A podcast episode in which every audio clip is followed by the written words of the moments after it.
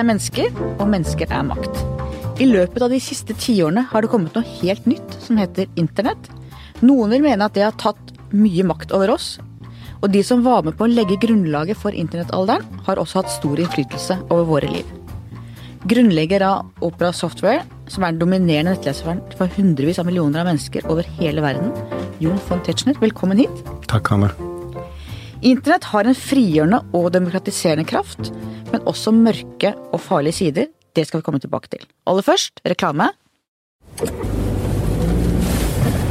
Jeg hører på lydbok eh, når jeg kjører bil. Nå skal jeg kjøre om ikke så lenge opp til eh, Lillehammer, så da, da får jeg vel med meg løsningen på Solguden på veien opp, tenker jeg. Når man sitter i bilkø inn til byen og på jobben og ikke akkurat faglitteratur jeg driver med, så det er jo for å få tiden til å gå. Da er det utrolig praktisk at du bare har den med deg på jeg har Storytel som app på iPhonen min, og da ligger den på der hele tiden. Så det er liksom bare én knapp, så fortsetter jeg der jeg var sist. Man er liksom vant til å streame alt mulig rart, så streame lydbok er jo helt perfekt. Veldig enkelt og greit. Men hvor var han? Hadde han gått allerede? Med Storytel får du ubegrenset tilgang til tusenvis av lydbøker direkte fra mobilen din. Prøv Storytel gratis i 30 dager på storytel.no skartveit. Jon von Tetzschner, Norges mest kjente internettgründer. Du grunnla det mange mener er Norges mest suksessrike internettselskap gjennom tidene, Opera Software med sin revolusjonerende lille nettleser. Den nådde 350 millioner brukere. Fortell først kort, hva er en nettleser? En, en nettleser er det du trenger for å se på uh, ting som er på internett. Så hvis du skal på Facebook, eller du skal lese nyheter på VG, eller du skal uh, se på YouTube eller andre ting, så gjør du det gjennom en nettleser. Din pasjon for datamaskiner begynte tidlig. Vi to er omtrent like gamle, men du hadde datamaskin lenge før jeg hadde noe forhold til at det i det hele tatt fantes. Og som ung studerte du IT på Blindern, og fikk etter hvert jobb i Telenor. Og sammen nå avdøde kollega Geir Ivarsøy satte, satt dere på Telenors forskningsinstitutt på Kjeller og utviklet denne nettleseren på en helt ny måte, som dere så for dere at kunne konkurrere ut Microsoft, som den gang var omtrent enerådende. Hva var det dere oppdaget og fant der ute på Kjeller? Altså Hovedpoenget vi, vi, fant jo internett veldig mye uh, lenge før enn alle andre, altså weben. Uh, vi satte jo opp den første websiden i Norge på Telenor, eller Televerket som det var på det tidspunkt. Eh, en av de første, kanskje 100 i verden. Og vi begynte å leke med alle teknologiene. Eh, vi lagde eh, altså selvfølgelig vanlig internettside. Vi lagde intranettsider, altså internt i bedriften, før begrepet intranett eksisterte. Vi lagde type søkemotorer, vi lagde verktøy for å ta dokumenter fra ett format over til webformater. Og så tenkte vi eh, kanskje vi skal lage en browser også. Og, og på det tidspunkt så var jo konkurrenten noe som heter Mosaic. Dette er også bare litt over 20 år siden, men det er allikevel nesten i steinalderen? Eh, på mange måter, ja. Altså det er 23 år siden.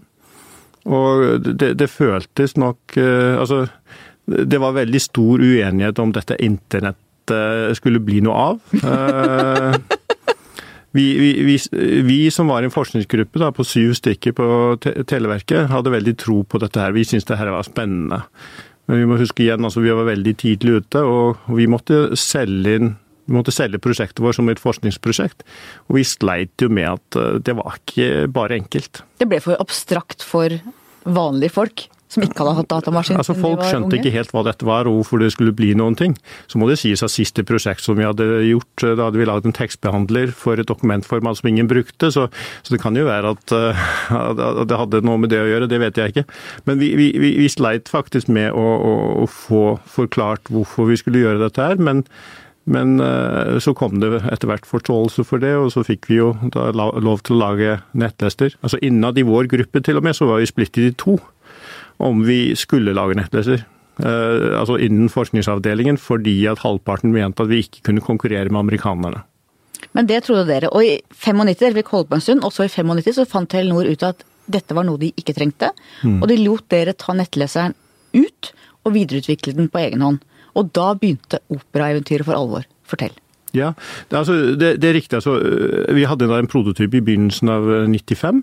Og da brukte Telenor eh, seks måneder til å evaluere om dette var noe de hadde tro på, og det hadde vi ikke. Tror du de angrer? Eh, nei. Eh, nei altså, vi har et veldig godt forhold til dem. De hjalp oss å, å, sette i gang. Fordi når de hadde sett at de ikke hadde tro på det vi holdt på med, så ga de oss en sjanse. Eh, og det er vi alltid takknemlige for. Altså, de ga oss muligheten til å leie lokaler til en rimelig penge. Vi fikk sitte mer eller mindre på jobben. Eh, vi ble fortalt at hvis vi feilet, så kunne vi få jobben vår tilbake innenfor tolv måneder. Altså, de var veldig eh, rause med oss, og jeg er veldig takknemlig for deres fødselshjelp, som det jo eh, var. De var et godt rammeverk for gründere, rett og slett? Ja, de var det. Altså, det var jo et, det var en statlig bedrift på dette tidspunkt, og, de hadde som mål og, og altså, Hvis det er ting som ikke passa inn, så skulle de hjelpe, og det er det, det de gjorde.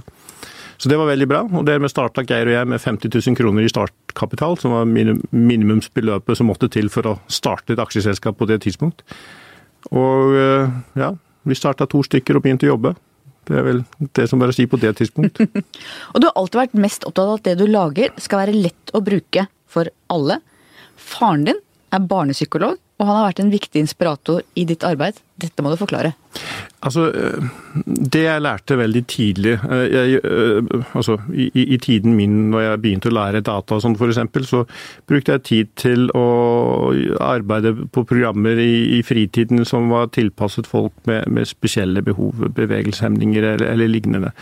Og det å forstå at, eh, at, dette er noe som man bør gjøre, at man bør ta eh, og tilpasse programvare til de behov som folk har, det mener jeg er viktig. Fra første dag i Opera så, så gjorde vi det. Altså vi, vi, sørget for at eh, du kunne skalere innholdet. Det var ikke vanlig på det. Hva betyr det å skalere innholdet? Gjøre det større. Ja, nettopp. Gjøre tekst og bilde større, slik at de som hadde problemer med å kunne lese den lille skriften, kunne lese den.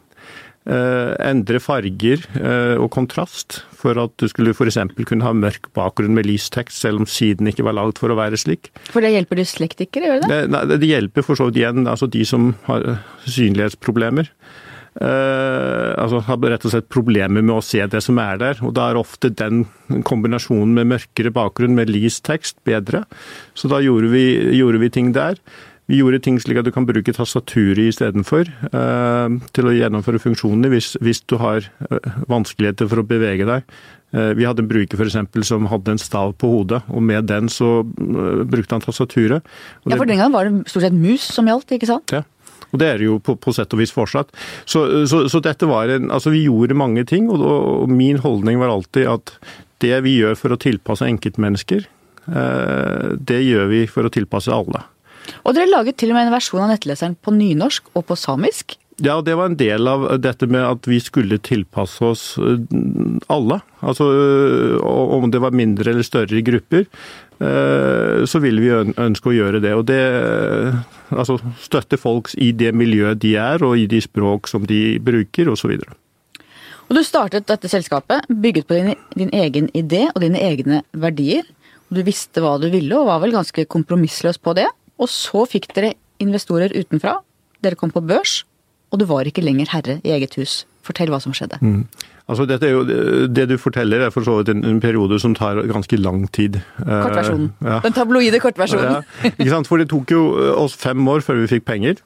Uh, det var ingen som hadde tro på oss. Altså, vi konkurrerte med store selskaper, amerikanere osv. Og, så og da hadde jo ingen tro på det vi holdt på med, så det tok fem år for oss å, å få penger. Og så fikk vi penger, og de pengene var eh, fra Det tok lang tid, delvis pga. vi var også kresne. Så de vi fikk inn, var bra. Ehm, så gikk vi på børs, eh, og da er det slik at en av disse WC-ene som hadde gitt oss penger, de solgte, som de pleier å gjøre, og den andre gjorde ikke. Altså venture capital. Ja, nettopp. Ja, selvfølgelig. Ikke sant? Mm.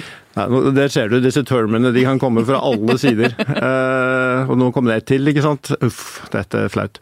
Men, men, men, men i hvert fall. Uh, så vi fikk jo penger inn, og de pengene de, de, de, var bra folk å ha med, og de ga oss støtte, og jeg var faktisk veldig fornøyd med dem.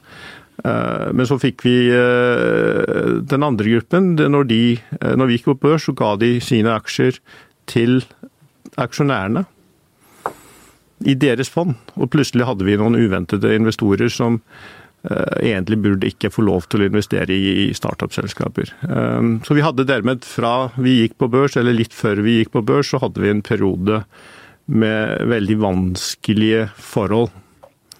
Så på den måten at Altså, vi var jo et selskap som gikk bra.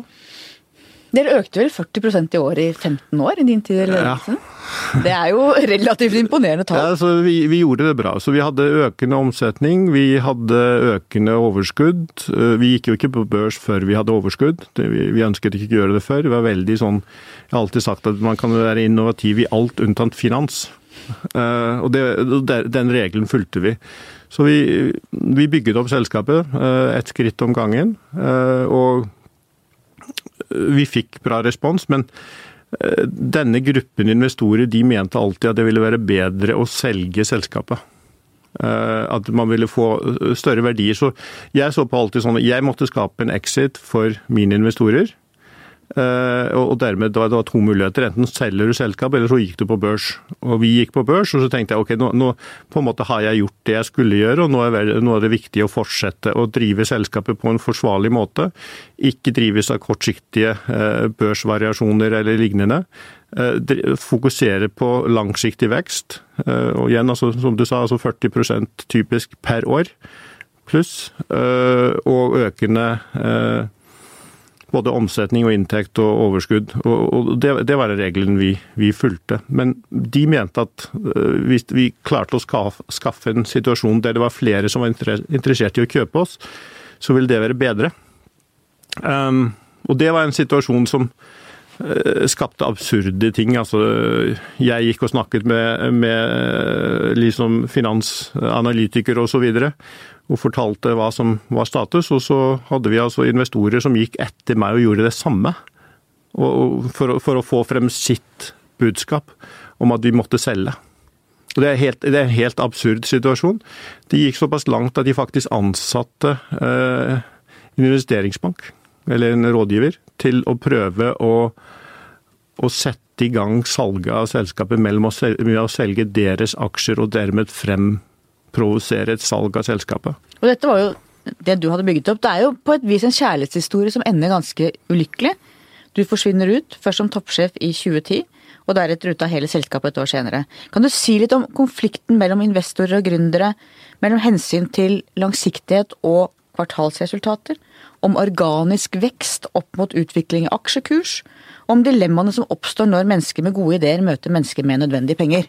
Ja, altså, øh, og det er viktig, Ikke alle investorer er like. Altså, jeg tror det er veldig mange som investerer i, i selskaper for øh, de vil investere og være med og, og for så vidt ha tro på det selskapet gjør.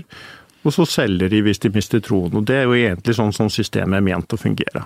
Du, du, får inn investorer, og de er med så lenge de har tro på det du holder på med, eller øh, til de har behov for pengene til et prosjekt de har større uh, tro på enn det prosjektet du har. Det vi hadde i dette tilfellet, var at vi hadde den absurde situasjonen at vi hadde altså da folk utenfor som mente at de visste mer om hvordan man skulle drive selskapet. Men eksplisitt mente det selskapet ikke at det at vi hadde hatt all den suksessen vi hadde hatt, at det måtte være eh, flaks. Og det måtte, komme, eh, gå, måtte være slutt snart, og da burde man jo selge før det var for seint. Men er det noe som ofte skjer mellom at det blir motsetninger mellom gründere og de som investerer? Det skjer nok en del, og, og det er jo interessant. altså Hvis du ser på de større suksessfulle amerikanske bedriftene, eh, veldig mange av dem har gründere som har gjort alle slags rare grep for å sikre seg kontroll. Eh, der de med mindretall av aksjene sitter og kontrollerer selskapet, for det er bare de som kan stemme. Og det er litt pga. at den typen problemstilling kommer opp. Altså De fleste investorer eh, er jo ikke av den typen at Altså de investerer igjen i selskapene pga. at de har tro på dem. Og de er ikke aktivister på den måten. Altså, de er der for å enten være med eller ikke være med. Eh, og så lenge ting går riktig for seg, så, så er det der det er. ikke sant? Men, men, så har du disse som har sett litt for mye på uh, fil, dårlige filmer, eller bra filmer. altså jeg synes Wall Street og lignende, det, det, er morsomme filmer å se på. Men der de mener at de skal gå inn og så skal de dele opp selskapene og hente ut de riktige verdiene osv. Som jo kan være riktig i noen tilfeller, men i noen tilfeller, sånn som i tilfellet Opera, så betyr det jo bare at man ødela et uh, selskap som var på god vei til å bli noe enda, enda, mye større enn det det ble. Og de gikk bort fra den opprinnelige koden som het Presto, til altså, en annen. Hvilken betydning fikk det? Jeg leser om dette, jeg skjønner jo ikke helt hva det innebærer. Men, hva, men for deg har det vært viktig at de forlot den koden som du mente på en måte var kjernen i selskapet, er det riktig forstått? Ja, altså hvis, hvis, du tenker, altså Ethvert selskap er jo basert på eh, noen verdier du bygger opp. Og i Opera så bygde vi da opp eh, Det er to ting.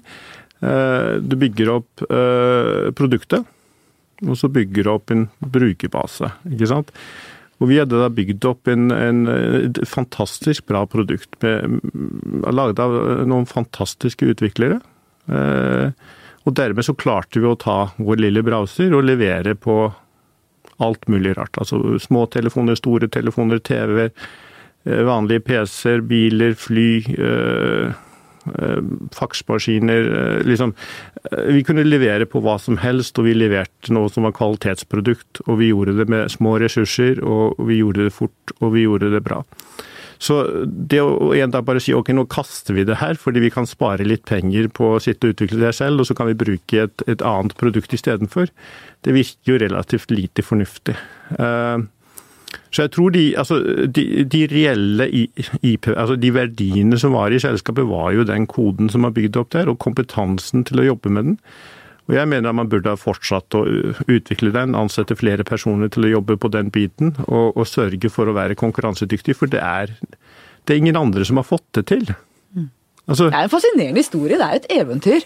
Ja, og det er liksom eh, de andre, altså Til og med Apple og Google de tok jo koder som andre hadde laget og jobbet videre på den. Vi lagde det fra grunnen av, og vi hadde en bedre kodebase, tror jeg, enn alle, flere, flere, alle andre. Altså Jeg mener rett og slett at vi hadde en bedre kodebase enn alle andre.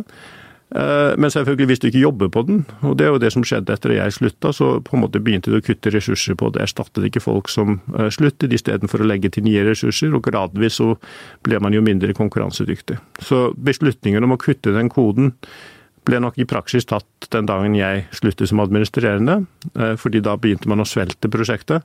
Men den formelle beslutningen kommer vel ikke før i, i 2013.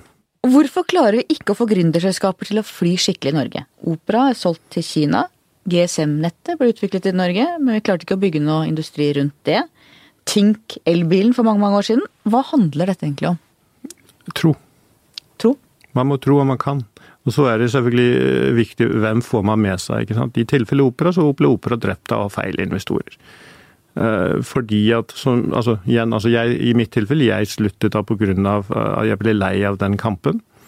Og bestemte meg for at eh, det var for mye folk rundt meg som ble skadelidende av at jeg skulle fortsette å slåss, så jeg trakk meg til side. og, og da ble jo selvfølgelig en prosess i sånn som i opera, altså det er den prosessen jeg kjenner best. Og da ble en prosess satt i gang med å selge selskapet, det tok seks år. Ikke sant? Da fant man til slutt disse kineserne, etter at man hadde prøvd alle andre antageligvis på planeten før den tid. Uh, og i en prosess der du prøver å selge et selskap, så da mister du fokus. Burde Telenor ha kjøpt Opera da kineserne kom inn? Burde det ha blitt i Norge? Det burde ha blitt i Norge.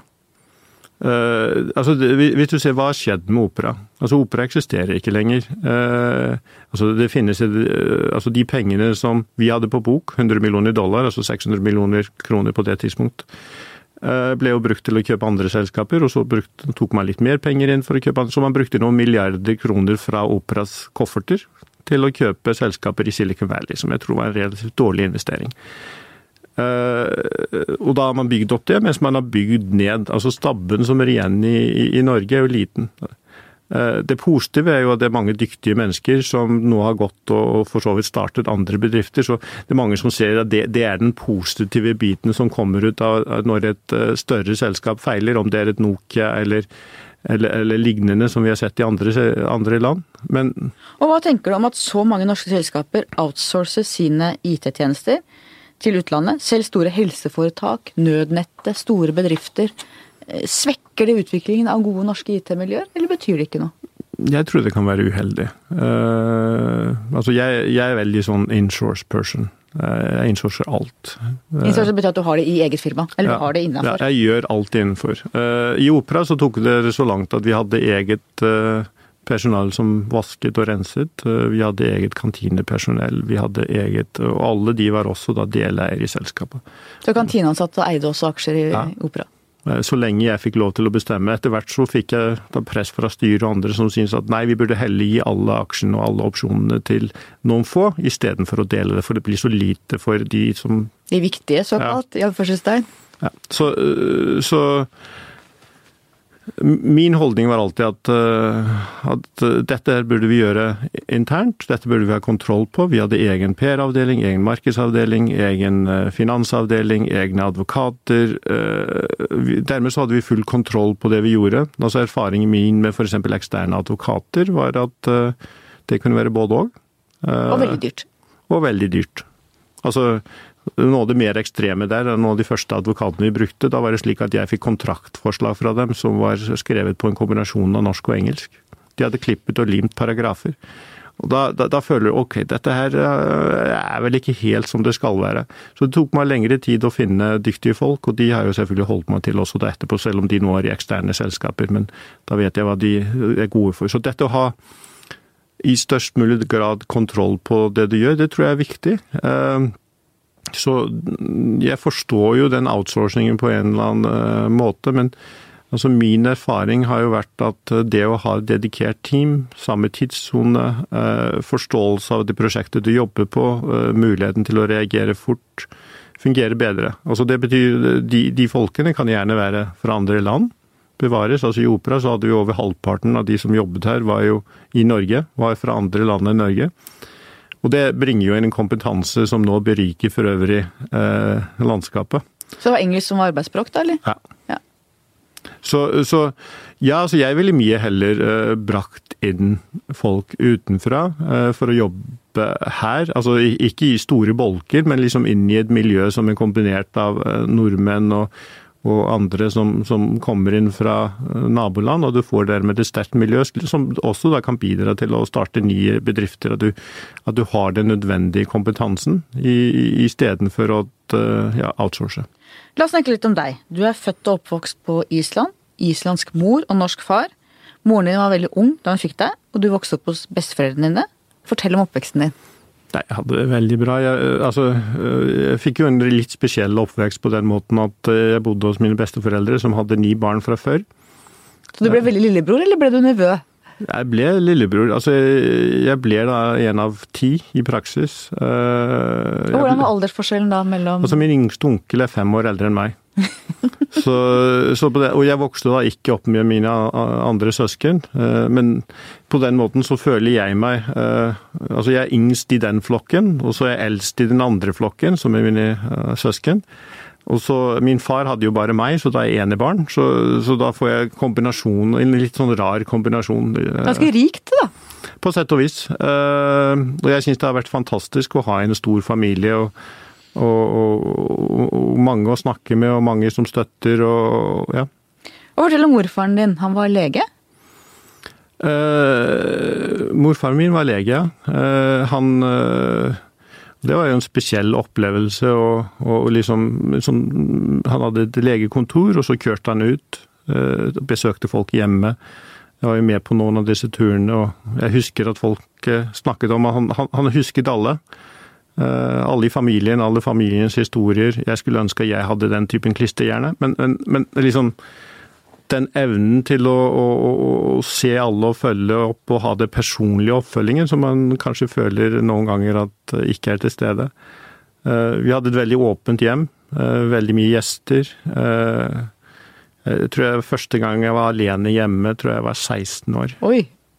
Er det sånn at du nå er på jakt etter aleneopplevelser? Har du, har du større behov, eller mindre behov, for å være alene? Nei, jeg, jeg er veldig glad i Altså jeg er kanskje ikke, altså, i, I store sånn selskapssetting så, så tror jeg jeg er liksom ikke en mingletype spesielt. Jeg tror ikke det er min, min forse. Men uh, det å ha mye gjester, det elsker jeg. Og mormoren din hun var komponist, kunstner. Ja. Hva slags type var hun? Uh, veldig snill. Eh, altså, hun satt jo ofte og, og spilte piano. I mange tilfeller så satt jeg der sammen med henne. Noen ganger så sang jeg. Eh, vi hadde da selvfølgelig gjester som kom og sang, og, og ja, det, det var en spesiell opplevelse på den måten som igjen altså veldig inkluderende. Vi hadde hele tiden gjester. Jeg var veldig vant til at det at noen skulle bare dukke altså Nesten hver dag så dukket noen opp i kaffe og kaker, ikke sant. Eh, når det gjaldt uh, lek, så var det jo slik at hjemme hos meg så var det alltid masse unger som kom på besøk, fordi at vi fikk lov til å rasere hagen. så litt sånne ting. Altså å skrike og hyle og bråke i hagen, det, det var det lov til. Så, så, så liksom uh, den type situasjoner jeg er vant til, og, og, dermed så er det den typen situasjoner som jeg også har rundt meg. Det er blitt litt sånn. Jeg liker å ha gjester og ja. Og du var ofte i Norge om sommeren hos faren din. Fortell om han. Altså fra jeg var, Første gang så var jeg vel ti år. Så reiste jeg først til England og så til Norge. Og, og så, så den, men fra den tid så var jeg her nesten hver sommer. Jeg hadde tre og halv måneders sommerferier Oi. i Island. Så det betydde at det var mye tid til å reise. Eh, kom til Norge da og, gikk med avisene eller andre ting som skaffet litt inntekter, så pleide jeg å gå på interrail.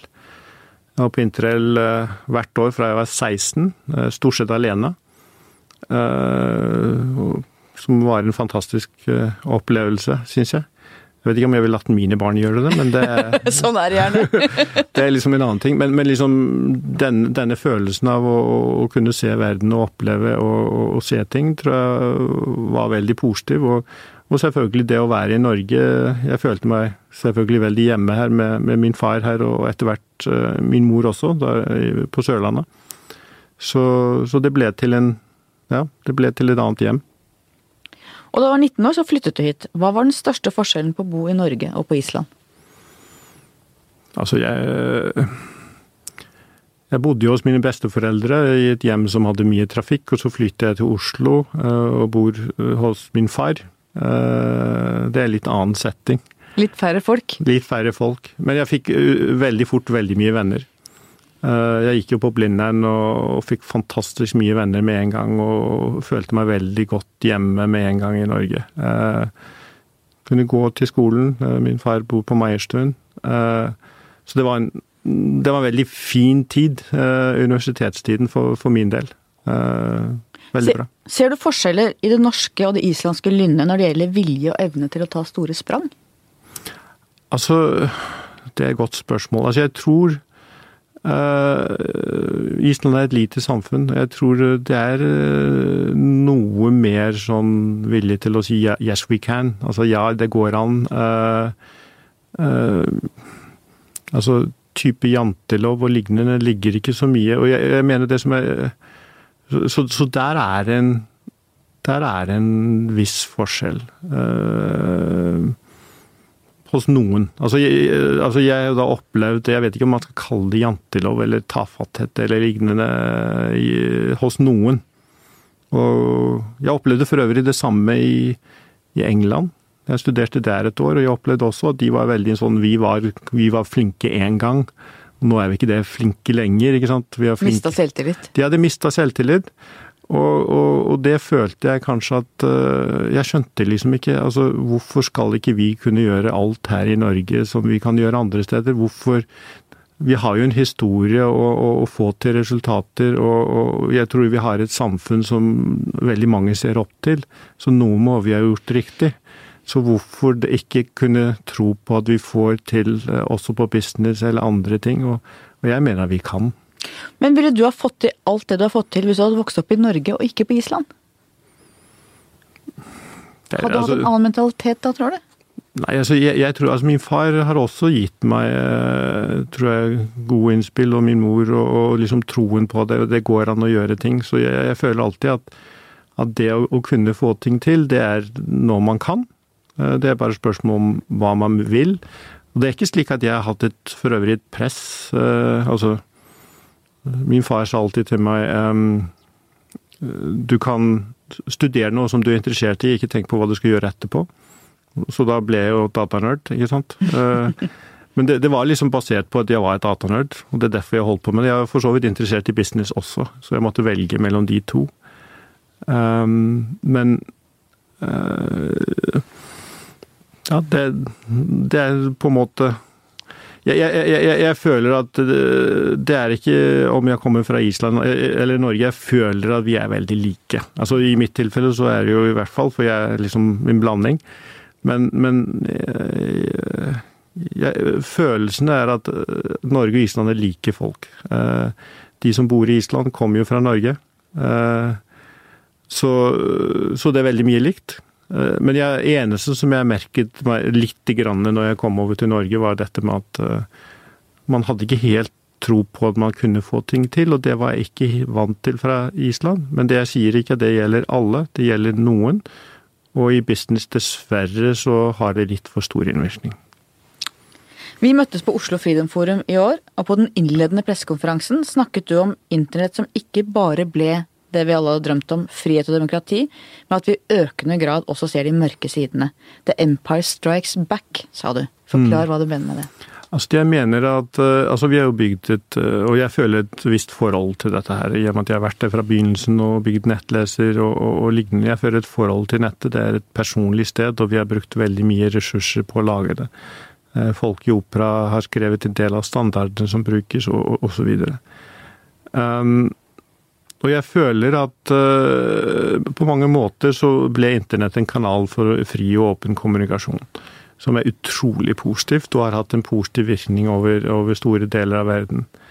Dessverre så er det jo slik at uh, det som, dette har jo da bekymret flere.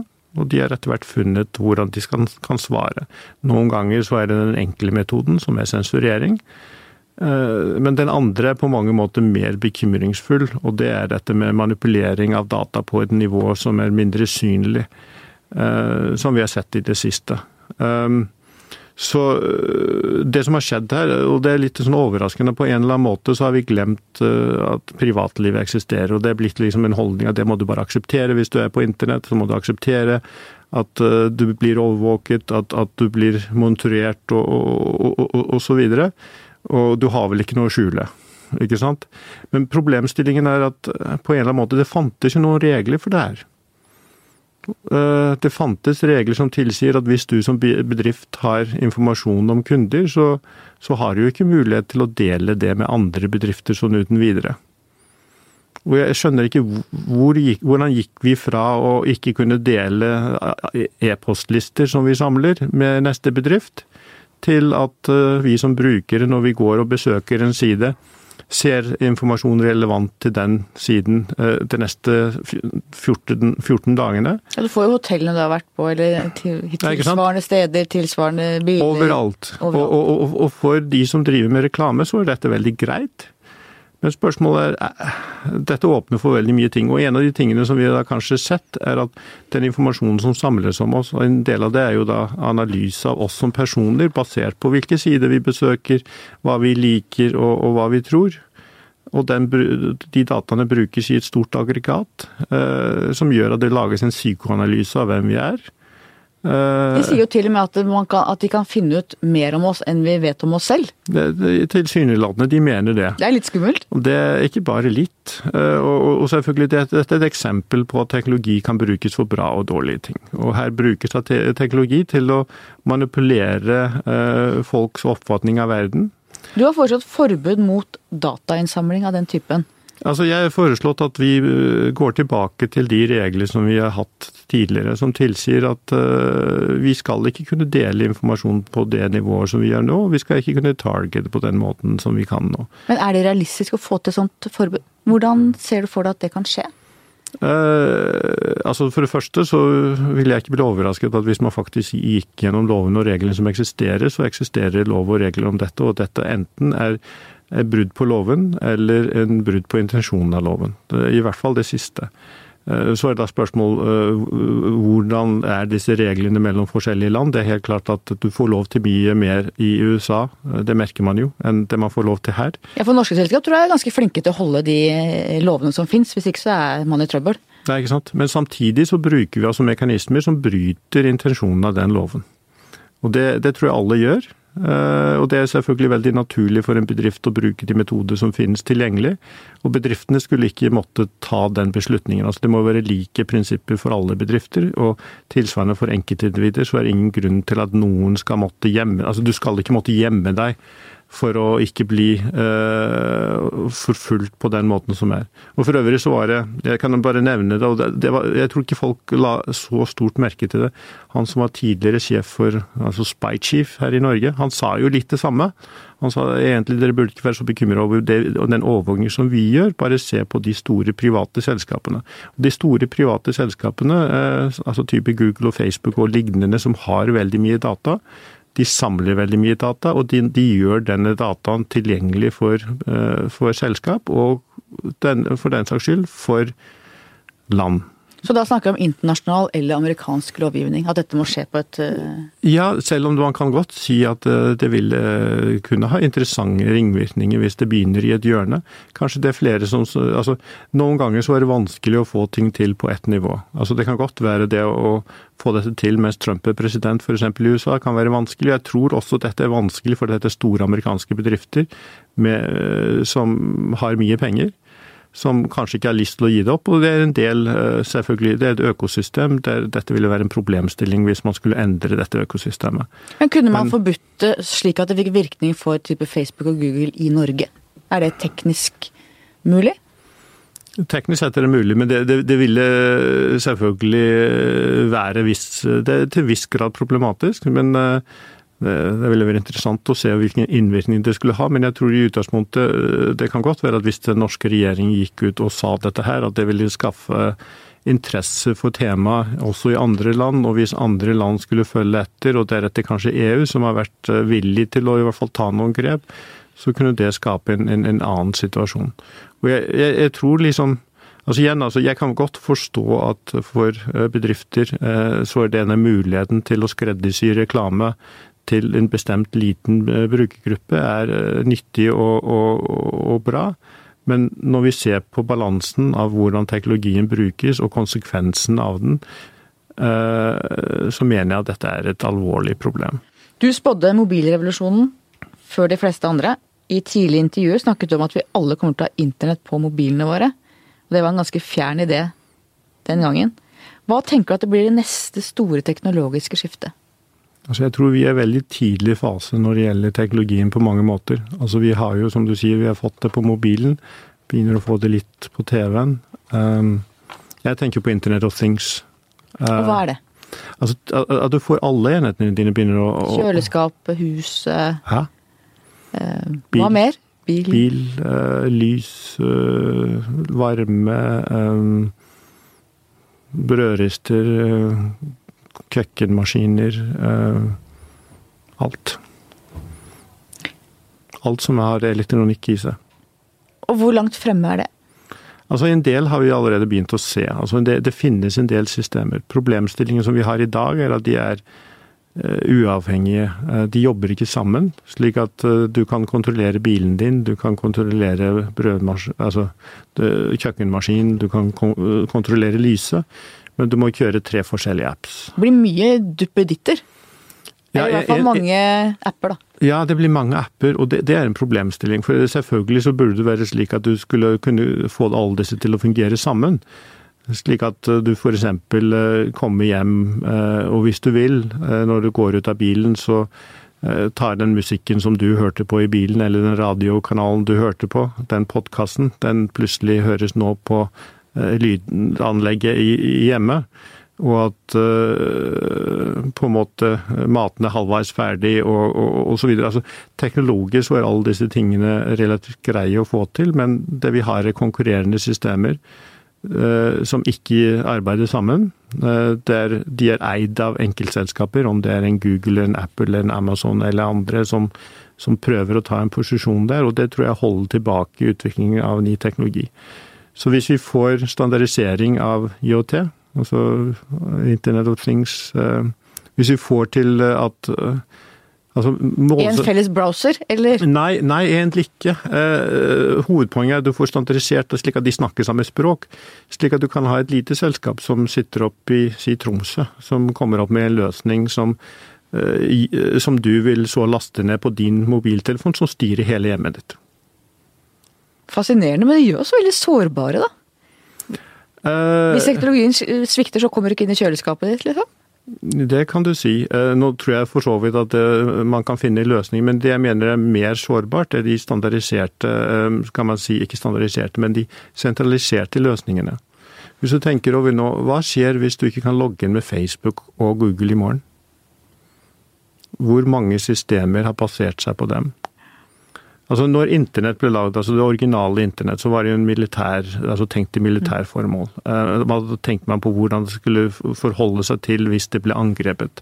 Som en del av det så bygde man desentraliserte systemer. Det, det vi har sett i senere tid, har vært en sentralisering. Og det betyr at vi har en problemstilling at det er enklere Altså det, det, det er store steder som du kan angripe. Gigantene har overtatt, på en måte? Eh, på en måte, og de er altså Selvfølgelig så har de bra sikkerhetsanlegg, men problemstillinga hvis du kommer deg gjennom de sikkerhetsanleggene, så er det problematisk. Det er sånn, Jeg husker altså Microsoft i gamle dager, altså det var sånne sider som viste hvor mange åpne sikkerhetsfeil de forskjellige nettleserne hadde. og Vi hadde alltid null, og Microsoft hadde alltid masse. Uh, og Deres forklaring eh, på at de hadde ett år gamle feil som ikke var blitt fikset, var at de var et stort uh, target, altså et stort mål. Og det har de altså Jeg mener unnskyldning i dette tilfellet var feil, men, men det de sier det sa på det tidspunktet, det var helt riktig. At uh, hvis du tenker deg, hvis du er en skurk, hvem prøver å hacke? Microsoft eller et selskap som har fryktelig mange færre brukere. Og det betyr jo altså Du så jo nylig så var, var, var jo Yahoo hacket, ikke sant veldig greit å kunne hacke et selskap og få en halv milliard uh, mailkontoer. Mye morsommere hvis du er en hacker som vil gjøre skade og gjøre det, enn å gå etter de som gir deg tid. Og så er problemstillingen også at Facebook og Google og disse er jo på den globale arena. ikke sant? Selv om det er amerikanske selskaper, så, så uh, er det nesten et nytt imperium. De, Facebook har jo en stor andel av jordens befolkning mm. hos seg. Men det er ikke noe tilsvarende reguleringsmyndighet som kan regulere det på samme nivå? Nei, altså det som På mange måter så egentlig kan alle regulere dem. fordi så lenge de eksisterer i alle land, så, så er det ikke unaturlig at man vil regulere dem i, i så måte. Og det ser vi jo. Men, men det, er, det, er, en vanskelig altså Det mest naturlige å regulere dem er i USA. Men Mener du at norske myndigheter for har et større handlingsrom enn de bruker når det gjelder type skattlegging av disse selskapene, regulering av de personvern som vi snakket om? Altså Det er alltid en diskusjon om hvordan man skal gjøre ting. Og, og det er helt klart at uh, ikke minst når det gjelder de selskapene der, så har det jo vært store kamper. Uh, der EU ikke minst har, har, gått etter hvordan disse selskapene har satt opp skatteparadis her og der for å Eh, skjule pengeflyten. Det var utrolig deilig da Google fikk den skatten. Hvor de måtte betale masse, masse millioner. Nei, egentlig, det som er jo, De får jo rabatter. Men det er noe, i hvert fall. De får noe, men, men det normale for oss andre, når ikke vi betaler skatten vår, så får vi straffeskatt. De får skatterabatt. Men la oss kalle det en begynnelse, da. Det er en begynnelse. Men, men altså, altså, helt klart at Men du har en interessant situasjon. Det man i USA snakker om at disse selskapene tar vekk eh, inntekter og skjuler dem i utlandet. Og vi har en situasjon i Europa der man snakker om at disse selskapene tar og, og, og så, så, de setter opp konstellasjoner som gir rare resultater. De setter opp selskap her og der, og så blir konsekvensen at de ikke betaler skatt, uh, nevneverdig skatt noen steder. Og så blir det altså da en forhandling til slutt om å få dem til å betale. Uh, det er jo ikke slik det burde fungere, uh, men det er klart denne typen problemstillinger krever at man jobber sammen over landegrensene. Da trenger man fungerende internasjonale organisasjoner. Akkurat nå så har vi et visst problem med at vi har en feil president i USA i så måte og et EU som strever med mye. Ja, EU eh, strever jo ikke minst med, med, brexit, og det kan jo bli veldig interessant å se hva det medfører. Innimellom i sånne situasjoner så kan det egentlig ofte komme mye positivt ut av det. Personlig så har jeg troen på at det kommer veldig mye positivt ut av det her i USA eh, etter hvert. At, jeg håper at, Det som er interessant å se, er at Trump mobiliserer håper jeg, europeisk samhold, og mobiliserer pressen som har fått eh, en ny drive. Og på en måte viktigheten av den jobben vi gjør, tenker jeg også blir tydeligere. Ja, jeg tror det blir veldig, og, ikke minst altså hvis du ser det som skjer i USA, øh, følelsen av at en del av pressen føler at dette været eller ikke været. Altså det er ganske spesielt. Uh, der du har en, en, en den, de store, anerkjente uh, avisene og, og TV-stasjoner og, og lignende er i en form for krig med Trump. Det er for så vidt det er han som har starta. Det er han som har definert at alt det de sier er løgn og bedrag. Uh, mens uh, hans venner som driver med løgn og bedrag, uh, fremheves som det ene sanne. Det er en utrolig situasjon. Facebook og Google og pressen, altså det de også gjør, er at de undergraver jo forretningsmodellen til frie, uavhengige medier. Mm. Hvordan ser du den situasjonen, og ser du noen løsninger? Har du noe råd? Altså Jeg tror for så vidt at hadde man eh, fiksa den problemstillingen som jeg snakka om før, så tror jeg den ville også hatt en innvirkning der. Fordi per i dag så er det jo man følger jo brukeren. Ikke sant? Man går etter brukeren. Når du setter en annonse, så vet du egentlig ikke om den kommer på en avis eller et, en blogg eller, eller, andre steder. Og du vet ikke om du, vil, du, egentlig vil være der, nødvendigvis. Altså, Personlig så hadde jeg ikke likt noe særlig om, om eh, jeg hadde satt en annonse og den hadde landet på type Infowars eller andre propagandakanaler. Du har starta opp helt på nytt nå. Mm. Fortell om Vivaldi. Det er et veldig nydelig navn da, på noe så teknisk som et uh, et eh, nettopplegg? Eller ja, en browser. En browser. Så jeg, jeg starter da igjen med å gjøre det samme som jeg har gjort eh, hele tiden. Og det er jo pga. det som skjedde i Opera etter at jeg sluttet. Eh, etter at alt det arbeidet, 19 års arbeid ble kastet, og samtidig så bestemte man for å lage en annen type produkt. Vi hadde et veldig tett forhold til brukerne våre i Opera. Jeg fikk spørsmål, jeg hadde et intervju nå. Eh, for jeg spurte hva, hva gjør du når du har en tøff dag? Og så fortalte jeg eh, det jeg pleide å gjøre når jeg hadde disse tøffe dagene innimellom. Jeg hadde, egentlig så var jeg fokusert bare på å bygge selskap, og, og disse investorsituasjonene var ikke ting som Altså, jeg klarte å på en måte få det til å bli borte. Men hvis jeg hadde hatt en vanskelig dag, så satte jeg meg ned og så leste jeg kommentarer fra brukerne, svarte spørsmål, og, og, og på en måte engasjerte med de som brukte våre produkter. Og det var utrolig givende for meg.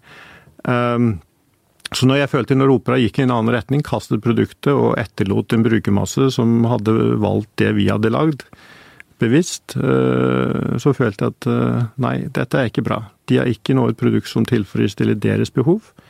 Uh, jeg har ikke et produkt som tilfredsstiller mine behov, og da bestemte jeg meg for å lage en ny braser. Eh, som er fokusert på å tilpasse seg til brukerens behov. Det er slagordet 'nettlese for våre venner'. Ja, det, det, du har litt historien der, på sett og vis. Altså, det er en nettleser for de som var våre venner, som er blitt våre venner. Som, eh, og det er noe som ligger i det også. Altså, du spionerer ikke på vennene dine. Nei, for dere sier at dere ikke samler informasjon om brukeren. Mm. Og hva er forskjellen på dere og de andre nettleserne i forhold til det? Det som er vanlig i, det, mye av programvare, er at man samler en data eh, når det gjelder eh, bruk. Eh, og dette er ikke sånn detaljert bruk nødvendigvis, men for å kunne si om, om produktet er bra eller altså, hva, hva liker brukerne, hva liker de ikke. Hvor går de, hva bruker de, hva bruker de ikke? I, ikke hvor sant? ofte? Ja. ja. Så, så det, det, jeg har veldig stor forståelse for hvorfor selskap gjør de tingene der, og det trenger ikke være noe negativt i det, men vi gjør det ikke. Og, og vi det samler heller ikke noen annen informasjon. Det eh, eneste vi eh, ønsker å vite, er hvor mange brukere vi har, hvor er de i verden, og den typen ting. Så det, det, får vi. Men andre typer informasjon, altså eh, om hva de gjør Delvis så, så syns jeg altså det er fort gjort at du samler for mye. Eh, og for det andre så mener jeg man kan ta feil beslutning, eh, også pga. at vi ønsker å tilpasse oss enkeltbrukeren. Altså, Hvis du ber om noe, så skal ønsket vårt være å, å, å lage det du vil ha. Og det, det, det måten vi jobber på, er akkurat på den måten. Altså, Hvis du ber oss om noe, og det er noe som ikke er altfor komplisert og, og, og, så videre, så bare gjør vi det veldig ofte. Men hva er da forretningsmodellen? Hvordan Jeg trodde nemlig at pengene lå i informasjon om brukeren. Nei, altså vi, eh, vi samarbeider type med en type søkemotor og lignende, som inkluderer jo da våre konkurrenter potensielt. Eh, og med eh, andre, altså andre som har tjenester. Så vi legger med noen bokmerker, da, type. Så de som kommer til dere med sine sider, de betaler dere? Nei, nei altså hvis du laster ned browseren, så for mm. det første så ser du at du er søkemotor innbygget. Det har jo alle browsere. Vi har flere søkemotorer, og du kan velge mellom dem. Og de fleste av dem betaler oss penger for hvis du gjennomfører et søk med den søkemotoren. Eh, tilsvarende så har vi lagt inn en del bokmerker. De fleste av dem tjener vi ingen penger på, men noen av dem gjør vi det. Type kommersielle, altså hotellbestillingssteder og sånn? Ikke sant? Bokhandler? Ja. Så noen som har en type avtale der de er villige til å dele, så vi legger inn disse bokmerkene, som du for øvrig kan fjerne hvis du ikke liker dem. Eh, og, og, og, og, da får vi inntekter fra det. Og inntekten er relativt liten. Altså per bruker per år så snakker vi om I opera så var det en dollar, vi er ikke der helt ennå. Altså 1,5 dollar var det vel oppi. Så forretningsmodellen er den samme som opera? Forretningsmodellen er den samme. Så den er veldig enkel. Uh, og Det betyr at det eneste vi trenger å, fokusere på, er å få flest mulig brukere. Uh, og, så selvfølgelig altså lage uh, noen sånne avtaler. Det er ikke, ikke, forferdelig mange, men noen sånne avtaler som genererer inntekt for oss. Og, og, men som sagt, det eneste som da er viktig for oss, er å få den brukermassen. og hvor mange har du nå? Vi nærmer oss én million aktive. Så det er, en, det er en bra start. Og, og, vi jobber med selvfølgelig å nå, vi nå, jobber med å nå tre til fem, for da er vi liksom break even der vi er, og så derfra. Og denne gangen, med Vivaldi, så vil du ikke ha investorer utenfra. Du vil ikke på børs, og nå har du penger selv etter opera, mm. og frihet til å gjøre som du vil. Hva betyr det for deg? Nei, Det betyr at man kan fokusere på det som er gøy. Uh, altså, Jeg hadde det veldig gøy i opera, og jeg føler at uh, dessverre så fikk vi noen feil investorer, men vi fikk veldig mange bra. Og det er viktig at det, vi hadde mange, mange, bra investorer. Vi hadde en morsom historie, vi lagde fantastiske produkter, og jeg er veldig stolt av det teamet som var der. Uh, det hadde en kjedelig slutt, og jeg, på en eller annen måte så må man jo lære av sine feil. Nå vet jeg ikke om jeg hadde hatt muligheten til å gjøre ting annerledes, men uansett, i dette tilfellet så har jeg muligheten til det, og da, og da tror jeg det er riktig for, for, oss. Altså, flere av de brukerne som, vi, som var oss opera, de, de, er redd for at ting skal skje igjen. Og det merker jeg, liksom, og derfor må vi forklare dem at denne gangen så er det annerledes. Denne gangen så er det ingen som kan ødelegge for oss det vi holder på med. Og du har hentet mange folk som jobbet i opera før? Ja, en stor del av teamet. Og det er selvfølgelig naturlig at at det kommer folk som har tidligere vært i opera. Eh, de vet eh, hva, altså, hva de skal gjøre, og jeg vil Altså For å konkurrere i dette markedet, så må du ha folk som kan det de eh, gjør. Eh, ekstremt dyktige mennesker. Og vi har fått ekstremt dyktige mennesker inn i Vivaldi. Eh, folk som har unike gaver. Og jeg er veldig takknemlig for at de bruker sin tid der. Fortell om det gamle hotellet du kjøpte ved kysten der i Boston. Så eh, det, det, kalles da Innovation House, og, og, dette er min måte å støtte startups. Og, jeg, jeg, liker å støtte opp mot eh, Ja, jeg har en, av en eller annen grunn så har jeg en viss spesiell følelse der. Så det inkluderer da å investere i noen, eh, rundt en ti stykker. Jeg er også da med her i Founders Fund i Oslo, som holder til på Startup Lab. Og der har vi eh, investert i en 30-40 selskap. Men så, så, så jeg, altså jeg kan jo ikke investere i alle eh, som vil ha meg med. Og det er hyggelig at mange vil. Eh, så da satte jeg opp et startup-senter i Island, der vi har rundt 20 selskap. Og så satte jeg opp dette hotellet i USA. Da kjøpte jeg en bed and breakfast fra 1880. Der er det 17-18 soverom og gode arbeidsmuligheter. Så det er veldig et bra sted for å ha samlinger. Eh, neste måned skal vi samle Vivaldi-gjengen der.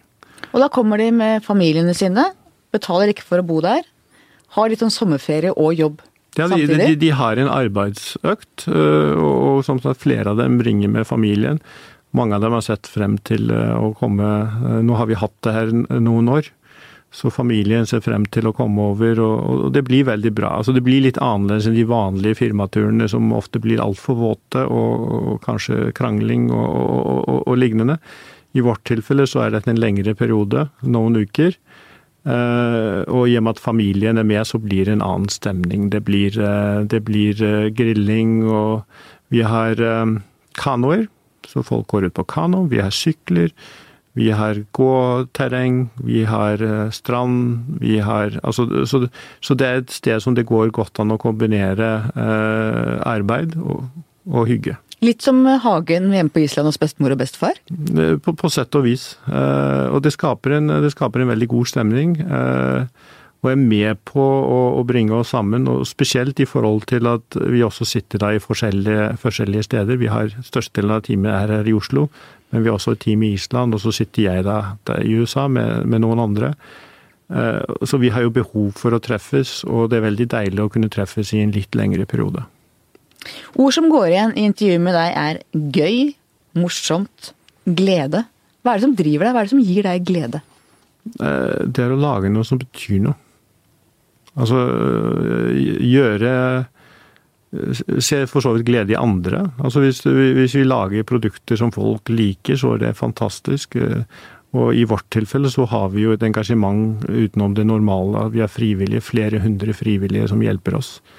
Eh, og det, det er spesielt. Vi har eh, veldig engasjerte mennesker som jeg jobber med, som gjør en fantastisk jobb. Så, og, og, vi lager produkter som folk legger merke til og, og, ønsker å bruke, som blir omtalt med de sterkeste begrep. Eh, det, det er spesielt. Og du har sagt at din investeringsfilosofi er å presse folk til å tenke større. Hva legger du i det? Jeg tror egentlig ikke jeg vil presse noen. Jeg vil gjøre det Oppmuntre da, eller? Jeg, vil gjøre, at folk skal gjøre det som er riktig for dem. Men eh, kanskje det aller viktigste er at de skal ikke tenke exit. Så de selskapene som investerer i, så er det pga. at de, de, som driver selskapene har et ønske om å gjøre noe som betyr noe. Det kan være på veldig mange forskjellige plan, hva de ønsker å gjøre i så måte. Eh, jeg har noen varierende selskaper i så måte. Altså jeg har investert f.eks. her i Norge, så har jeg investert i We Want To Know, som lager programvare for å, å lære barn f.eks. algebra. Fantastisk. Eh, jeg har eh, Kanskje noe av det rareste jeg har investert i, er et meieri som jeg var med på å starte i Island. Laktosefritt eller, eller sånn ja. allergi? Ja, jeg leste om det!